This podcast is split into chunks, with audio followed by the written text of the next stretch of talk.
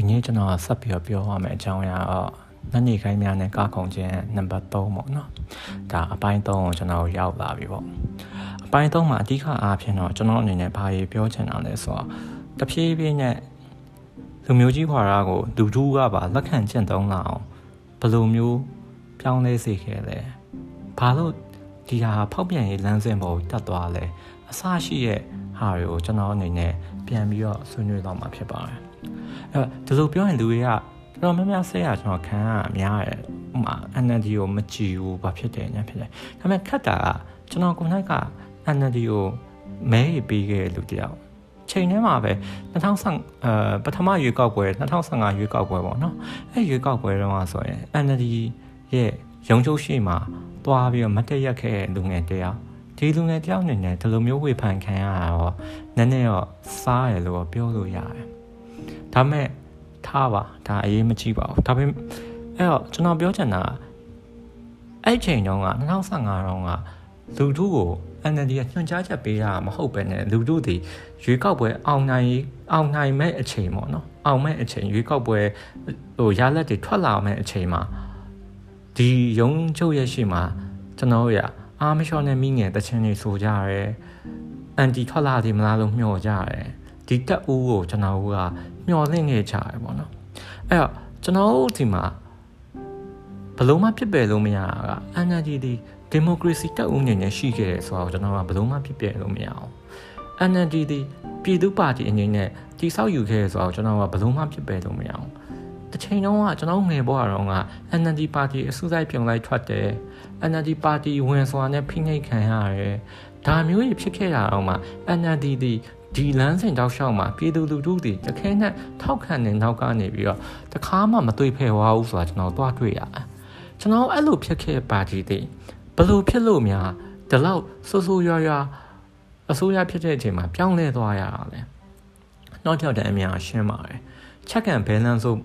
ခေါ်တဲ့အပြန်အလှန်ထိန်းချောင်းတဲ့အရာတွေပြတ်ဆုံးသွားတာဖြစ်တဲ့အတွက်ကျွန်တော်တို့ကဒီလိုမျိုးဖြစ်ခဲ့ရတာပဲပြီးတော့ပူဆိုးတာက ဒီပါတီနဲ့ရင်ဆိုင်နေရတဲ့သူတွေဟာစိတ်ဆက်ဆွေးနွေးရေးကိုလက်တစ်ဖက်မှာဖွင့်ထားပြီးတော့တစ်ဖက်မှာသူတို့ရဲ့အာဏာတည်မြဲရေးစစ်တိုက်စားရေးအတွက်သူတို့ဒီဆက်လုံနေအဖွဲ့အစည်းနဲ့သူတို့ကအပေးယူရလုပ်ခဲ့ရမယ်အဲ့တော့ကျွန်တော်ပြောချင်တာကမကောင်းဆိုးရနဲ့အပေးယူလုပ်တဲ့အခါမှာမကောင်းဆိုးရကိုရလိုက်တာထက် မတန်တဆကိုယ့်ရဲ့ဝိညာဉ်ကိုနှုတ်ယူသွားလို့ပဲ NLD ကအစိုးရဖြစ်တဲ့အချိန်မှာလလကူရိုးရှင်းပြောရင်တော့ဝင်းကျင်အနှုတ်ခံလိုက်ရလို့ကျွန်တော်ကပြောလို့ရတယ်ဒီအာဏာရသွားရဲ့အစိုးရဖြစ်သွားတဲ့အချိန်မှာ NLD ဒီတက်မတော်ရဲ့ဝင်းကျင်နှုတ်ခြင်းကိုခံလိုက်ရတာပဲဗျဘာလို့ကျွန်တော်ကဒီလိုမျိုးပြောလဲဆိုတော့တဖြည်းဖြည်းနဲ့ NLD ဒီစစ်တပ်ကတောက်လျှောက်ကျင့်သုံးလာတဲ့လူမျိုးကြီးဝါဒကိုသူတို့ဒီဆက်လက်ကင်ဆွဲသွားတယ်လို့ကျွန်တော်ကပြောလို့ရတယ်။နောက်ဆုံးဒီမိုကရေစီ icon ဖြစ်တဲ့ anti ကိုနှိုက်တောင်မှ လူမျိုးကြီးဝါဒရဲ့လွှမ်းမိုးမှုကိုခံခဲ့ရတယ်လို့ကျွန်တော်ကပြောလို့ရတယ်။ဒီလိုမျိုးပြောရင်ကျွန်တော်မှပြဿနာထပ်ပြီးတော့ရှင်းရမှာကလူမျိုးကြီးဝါဒဆိုတာဘာလဲ။နောက်ဆုံးဗမာလူမျိုးကြီးဝါဒဆိုတာဘာလဲ။အဲ့တော့ကျွန်တော်ကလောလောကူကူရိုးရှင်းပြောပါလို့ဗျာ။ဗမာလူမျိုးကြီးဝါဒဆိုတာကျွန်တော်တယောက်တည်းအမြင်ပါ။ကျွန်တော်ကဒီဗမာလူမျိုးဖြစ်ခြင်းရဲ့လွတ်မြောက်နိုင်စွာဆိုလိုတဲ့သဘောခမည်းဗမာလူမျိုးဖြစ်နေလို့ တတ်တာခွင့်ရမျိုးဆိုလိုတဲ့သဘောက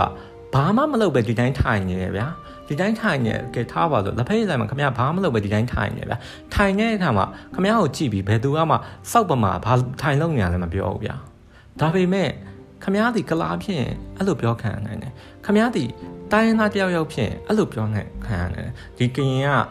အဲစောက်ထုံထုံအားပါကွာအဲ့လိုပြောခံရနိုင်တယ်အဲ့တော့ဆိုဆိုရဲ့သဘောက ဗမာအပြောမခံအောင်လို့ကျွန်တော်ပြောနေတာမဟုတ်ဘူးဗျ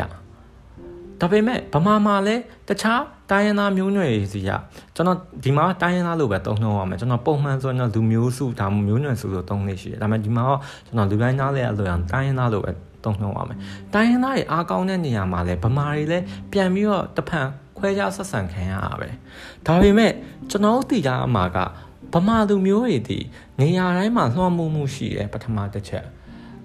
အဲ့လိုလွှမ်းမိုးမှုရှိတာဖြစ်တဲ့အတွက်အဲ့လိုလွှမ်းမိုးမှုရှိတာဖြစ်တဲ့အတွက်ဗမာလူမျိုးတွေဒီစနစ်အရာဖိနှိပ်ထားတဲ့အောက်မှာတခြားမျိုးနွယ်စုတွေနဲ့ရှင်ခမရတခြားတိုင်းရင်းသားတွေနဲ့ရှင်လွတ်မြောက်ရာရောက်တယ်လွတ်မြောက်နေတယ် ဒါကိုကျွန်တော်ကအရင်ဆုံးနားလည်ရမယ်အဲ့တော့ဗမာလူမျိုးကြီးဝါဒမှာခင်ဗျနှစ်ပိုင်းကျွန်တော်ကပြန်ပြီးတော့ပြောရမယ်ပထမတစ်ခုကကိုယ်တိုင်ကျင့်သုံးတာတော်တော်များများဗမာလူမျိုးကြီးဝါဒကိုကိုယ်တိုင်မကျင့်သုံးလို့ပြောလို့ရတယ်ဒါကျွန်တော်ကပြည်သူဖြစ်နေတဲ့အကြောင်းလည်းပါတယ်ဒီအစိုးရမဖြစ်ဘူးအာဒီစစ်တပ်မဟုတ်တဲ့အတွက်ကျွန်တော်ကဗမာလူမျိုးကြီးဝါဒကိုကျွန်တော်ကိုယ်တိုင်ကျင့်သုံးတာနည်းနည်းနည်းရနည်းရဆိုတာဘယ်မှာကျွန်တော်ကကျင့်သုံးလဲဆိုတာတခါတလေကြာရင်ကျွန်တော်ကတခြားဘာသာမတူတဲ့လူတွေတခြားတိုင်းရင်းသားတွေကိုကျွန်တော်ကအမြင်မကြည့်ဘူးငါတို့ထက်နှိမ့်ကြရလို့ထင်တဲ့ခါကျရင်ကျွန်တော်ကဗမာလူမျိုးကြီးဝါဒကျွန်တော်ရင်ထဲမှာရှိသေးတယ်ဆိုတာသိထားရမယ်ဒါပေမဲ့ကျွန်တော်တို့ဒီစစ်တပ်အနေနဲ့အစိုးရအနေနဲ့ပြည်မလိုနေရာမျိုးတွေမှာကျွန်တော်တို့ရဲ့ဒီတယံဇာတာကိုရှံပယ်နေအောင်ရရှိနေအောင်ကျွန်တော်တို့ဒီလုံနေရသည်ဒါလူမျိုးကြီးဝါတော့ကျင့်သုံးတာပဲဒါကိုပထမတစ်ဆင့်နဲ့နားလဲရမယ်ဒုတိယတစ်ဆင့်အနေနဲ့ကျွန်တော်စနစ်ရဲ့အပါပေးမှုစနစ်ရဲ့အသာပေးမှုကိုကျွန်တော်ကရရှိခဲ့ရဆိုတော့ကျွန်တော်ကသိရမယ်ဆိုလိုတဲ့သဘောက ကျွန်တော်ကအဲ့လိုမျိုးပြောလိုက်ရင်ဒီသူရဲ့ဗမာလူမျိုးကြီးဝါတာကိုမရှိပါဘူးဟာဒီဒီဟာကရန်ကုန်မှာရောက်ရင်လူတိုင်းအောင်မြင်တာပဲဟုတ်တယ်ဒါပေမဲ့ကျွန်တော်တို့ဒီလိုမျိုးဖြစ်လာအောင်တိဆောက်ခဲ့ရဲ့စနစ်တွေကိုကျွန်တော်ကသိရမယ်ဆိုလိုတဲ့သဘောကဟုတ်တယ်အညာမြေကဗမာတွေလည်းဆင်းရဲရပဲဒါပေမဲ့ ညာမြေကဗမာတွေဒီဗမာဖြစ်တဲ့အတွက်တော့ဆင်းရဲရမရှိဘူးဆိုလိုတဲ့သဘောကအဲ့မှာအချိန်မရွေးကျွန်တော်တို့ကတခုခုရလာနိုင်သေးတယ်ဥပမာကျွန်တော်တို့ပြည်မလိုရန်ကုန်လိုနေရာမျိုးမန္တလေးလိုနေရာမျိုးဒီမျိုးကြီးပြရေးမှာကျွန်တော်တို့ဒီ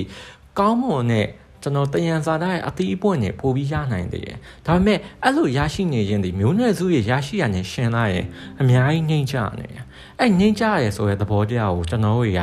တခါမှနားမလဲခင်ဗျာ။ အဲကျွန်တော်ကလည်းနားလဲလို့မဟုတ်ဘူး။ဒါပေမဲ့နောက်ပိုင်းမှာတဖြည်းဖြည်းနဲ့ကျွန်တော်သိလာတယ်။ဘာလို့သူတို့ရခံပြင်းတာလဲ။ဘာလို့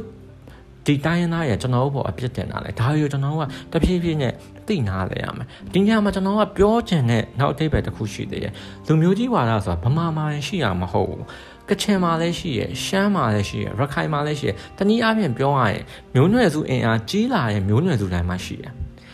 ဘာလို့ရှိလဲဆိုတော့ရှင်းပါရဲ့ဗျာ လူဆိုတာကိုယ့်မျိုးနွယ်ကိုချက်တော့မှမျိုးနွယ်စုတစ်ခုအနေနဲ့ကျွန်တော်တို့က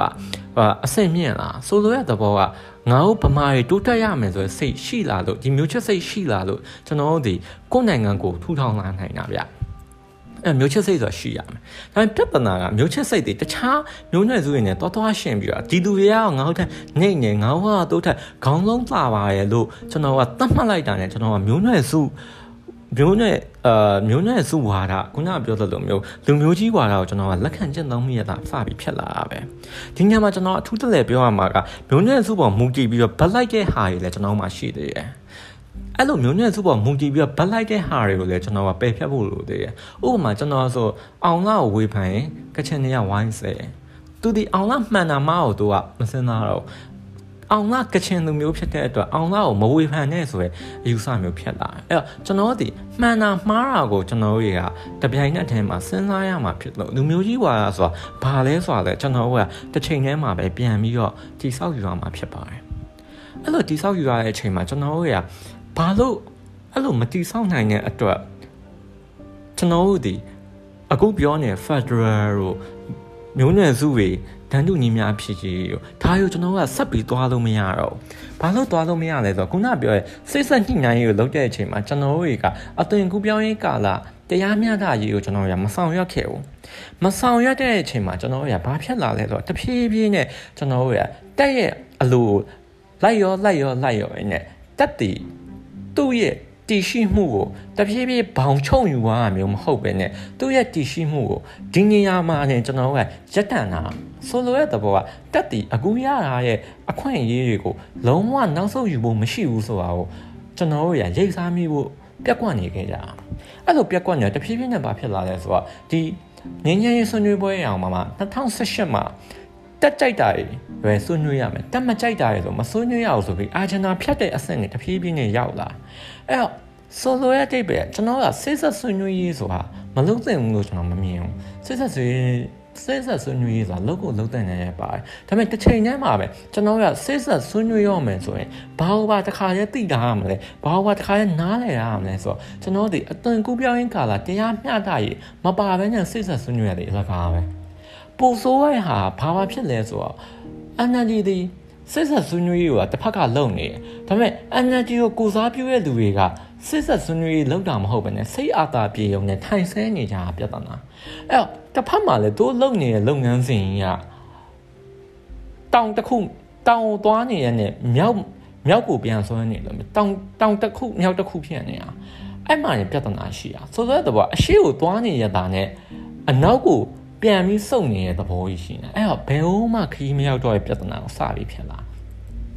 အဲ့ဖြစ်လာတဲ့အချိန်မှာ NLD ကိုနိုင်နေနဲ့သူ့ဒီနိုင်ငံရေးပါတီတစ်ခုအနေနဲ့အစိုးရတစ်ခုအနေနဲ့သူ့ဒီဘယ်လမ်းကိုရွေးမလဲဆိုတော့လမ်းတွေကိုစပြီးစဉ်းစားလာရတယ်စဉ်းစားလာတဲ့အချိန်မှာသူဒီဘသူဘက်ကိုသူကရွေးသွားလဲဆိုတော့ ဒီဘက်စစ်တပ်ဘက်ကိုသူကစပြီးတော့ရိန်းသွားစစ်တပ်နဲ့ပူးပေါင်းလို့ရပါတယ်ဆိုတဲ့အဆင့်ကိုတဖြည်းဖြည်းချင်းတိဆောက်လာတိဆောက်လာတဲ့အချိန်မှာဘာဖြစ်လာလဲဆိုတော့ NLD ဒီလူမျိုးကြီးဝါဒကိုဒီပြည်မလူတွေ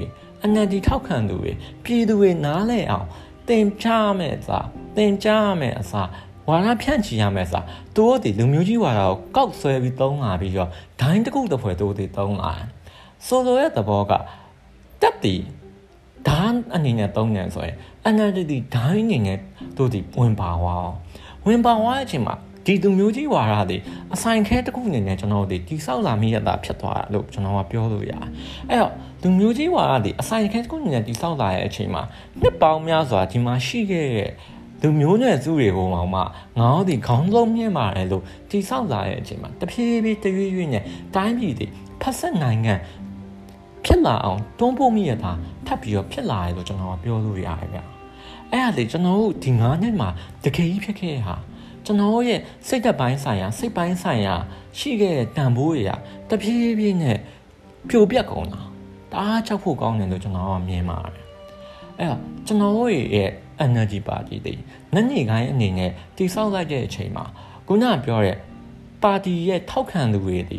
အရှိရတဆင့်ကာရတဲ့အချိန်မှာ NLD ပါတီတွေနှက်ညိကိုင်းဖြစ်သွားတယ်။ဒီ NLD ပါတီတွေနှက်ညိကိုင်းဖြစ်သွားတဲ့အချိန်မှာ NLD ပါတီကိုဥဆောင်တဲ့လူတွေကလည်းနှက်ညိကိုင်းဖြစ်သွား။အဲ့အချိန်မှာ NLD ပါတီရဲ့ဥဆောင်လူတွေနဲ့အလုတ်တွဲလုပ်နေတဲ့အစိုးရဘက်ကလူတွေကပါနှက်ညိကိုင်းဒီ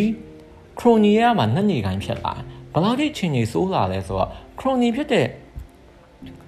ဥစ္စာစောအောင်ကျွန်တော်တို့ရမဝေဖန်ရဲအဆင့်ရောက်သွား ဥစ္စာစောကိုဝေဖန်ရင်တော့မှဟာမင်းတို့ကဒီလောက်ကောင်းတဲ့လူကိုဝေဖန်နေရပါလားဆိုတာကိုဝင်ပြောမဲ့လူမရှားဘူးဖြစ်သွားတယ်အဲ့ဒါဒီအရန်ကြောက်ဖို့ကောင်းတဲ့ကိစ္စတွေလို့ကျွန်တော်မြင်တယ်အဲ့တော့ကျွန်တော်တို့